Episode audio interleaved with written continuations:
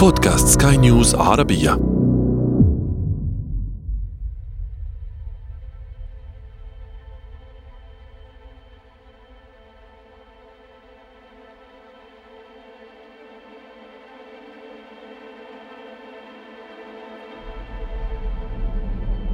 في سبتمبر من عام 2020 أعلنت الحكومة الإماراتية إطلاق مشروع الإمارات لاستكشاف القمر والهبوط على سطحه بحلول عام 2024 وفي فبراير من عام 2021 وصل مسبار الأمل إلى المريخ كأول مسبار عربي يصل إلى الكوكب الأحمر. وفي أكتوبر من نفس العام أطلقت الإمارات مهمة تستهدف الوصول إلى كوكب الزهرة. لماذا هذا الاهتمام الكبير من جانب الإمارات لاستكشاف الفضاء؟ ومن القمر إلى المريخ والزهرة ما الذي ترغب الإمارات في تحقيقه؟ هذا أنا عمرو جميل أحييكم وأنتم تستمعون إلى بودكاست بداية الحكاية الموسم الثاني. بداية الحكاية.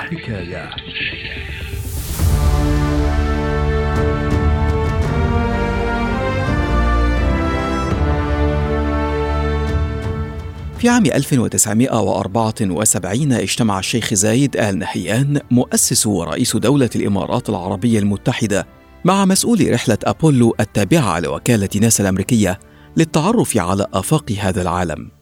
كان الشيخ زايد يأمل في أن تنضم دولته في يوم من الأيام إلى نادي الدول المستكشفة للفضاء. ولم يغب هذا الطموح أبدا حتى وإن استغرق بعض الوقت إلى أن بدأ بخطوات ملموسة بالإعلان عن تأسيس مركز محمد بن راشد للفضاء في عام 2006. اعتبر المركز حينها الجهة التي ستعمل على تأسيس برنامج وطني للفضاء، بما يشمل بناء أقمار صناعية لرصد الأرض وتشغيلها وتوفير خدمات تحليل الصور والبيانات. ثم تم إنشاء وكالة أخرى للفضاء بهدف تنمية العلوم وتأهيل الكوادر البشرية في هذا المجال. ثم كانت الخطوة شديدة الأهمية بإطلاق برنامج وطني في عام 2017 وإطلاق برنامج لرواد الفضاء بهدف اختيار وتأهيل الرواد للمشاركة في مهام استكشاف الفضاء بحلول عام 2021 وعلى مدار ثلاث سنوات عمل البرنامج على مراحل تدريب مكثفة لتأهيل الدفعة الأولى من رواد الفضاء. كان من بينهم هزاع المنصوري. الذي سيصبح لاحقا أول رائد فضاء عربي يصل إلى محطة الفضاء الدولية. وتلا ذلك في أكتوبر من عام 2018 إطلاق خليفة سات والذي عد أول قمر صناعي عربي صنع بأيد محلية. استغرقت عملية تصنيعه أربع سنوات. وعمل على بنائه سبعون مهندسا إماراتيا تراوحت أعمارهم بين 27 و 28 عاماً كان من الواضح أن هناك حالة من الحماس الشديد تقود التوجه الإماراتي في سباق استكشاف الفضاء.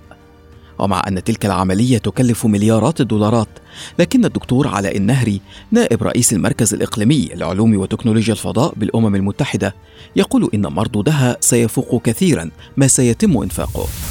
من لا يملك سماءه لا يملك أرضه وهي عسكرة فضاء. النهارده دولة الإمارات بتفكر في حاجة آه، مهمة جدا اسمها اقتصادات الفضاء أو اقتصاد المعرفة. إحنا بنتكلم على ال- النهارده الأقمار الصناعية اللي هي بتقدر ترصد الأرض ونتكلم على الأقمار الصناعية اللي بترصد البيئة والأقمار الصناعية اللي بتدي اتصالات وأقمار المناخ فكل ده آه، فاد الإنسان على الأرض. عملية التصنيع نفسها وده اللي بتفكر فيه دولة الإمارات من الألف إلى الياء يدر عليها ربح عالي جدا. يعني النهارده في أمريكا 424 أرباحها 424 مليار دولار. هتصل إلى 1.6 تريليون. الهند النهارده بتتكسب بشكل كبير جدا من من الفضاء. الإمارات بتسعى إلى نفس المسعى إن هي تصل إلى ما يسمى اقتصادات الفضاء.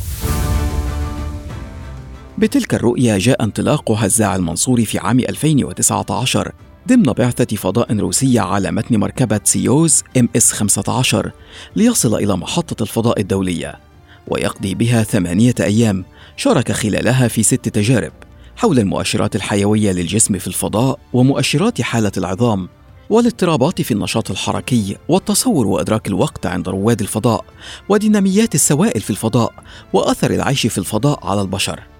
وبعدها بعام واحد أي في عام 2020 أعلنت الإمارات تفاصيل قانون منظم لعمليات الفضاء مثل عمليات الإطلاق والسياحة الفضائية وامتلاك الموارد الفضائية واستخدامها والتعامل مع الحطام الفضائي والأحجار النيزكية وفي يوليو من نفس العام أعلنت الإمارات عن إطلاق برنامج نوابغ الفضاء العرب بهدف احتضان ورعاية المواهب العربية القادرة على الانطلاق نحو الفضاء وتدريبهم وتأهيلهم على علوم الفضاء وتقنياته. ثم في سبتمبر تم إطلاق أول مهمة عربية علمية لاستكشاف القمر والتي تعمل على تطوير وإطلاق مستكشف للقمر لأغراض علمية. وفي يونيو من نفس العام انطلق مسبار الأمل إلى المريخ بهدف دراسته والتعرف على فرص إقامة حياة بشرية على سطحه. وبعد رحلة استغرقت سبعة أشهر نجح المسبار في الدخول إلى مدار الالتقاط حول المريخ ليصبح أول مسبار عربي يصل إلى المريخ وتصبح الإمارات خامس دولة على مستوى العالم تصل إلى الكوكب الأحمر. دعونا نستمع إلى الدكتور علاء النهري مرة أخرى. وليه شقين مهمين جدا. شق معنوي آه، وده مهم قوي إن إحنا نوصل للعالم إن إحنا العرب قادرين للوصول إلى ما وصلتم إليه. وحتى بنلاحظ الحتة دي في سمو الشيخ محمد بن راشد لما آه، عمل مبادرة عربية لإنتاج أول قمر صناعي عربي وسماه رقم 813 آه، 813 ده بيعود إلى ازدهار العلم في الوطن العربي في بغداد في بيت الحكمة كان سنة 813 آه، في وقت الخليفة المأمون في الدولة العباسية. النهارده حضرتك شايف إن الشركات الأمريكية التجارية حتى الأمريكية زي إيلون ماسك صاحب شركة سبيس إكس فكل النهارده بيفكر في إن هو إزاي يصل إلى الفضاء. فالنهارده هيبقى الكوكب المريخ هو البديل للعيش على الأرض.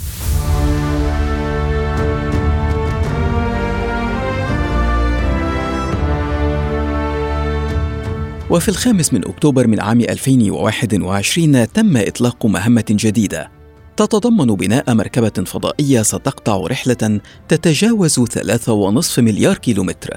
تصل خلالها إلى كوكب الزهرة وسبعة كويكبات ضمن المجموعة الشمسية. وستنفذ هبوطا على آخر كويكب ضمن رحلة ستتجاوز خمس سنوات. يشير الدكتور علاء إلى أن تلك المهمة ستكون جاهزة للانطلاق في عام 2028 كوكب الزهرة نفسه هو كوكب لا نستطيع العيش عليه ولكن يفسر لنا تكوين النظام الشمسي. لكن الأهم ودولة الإمارات قالت عليها إن ندرس سبع كويكبات وستحط على إحداهن.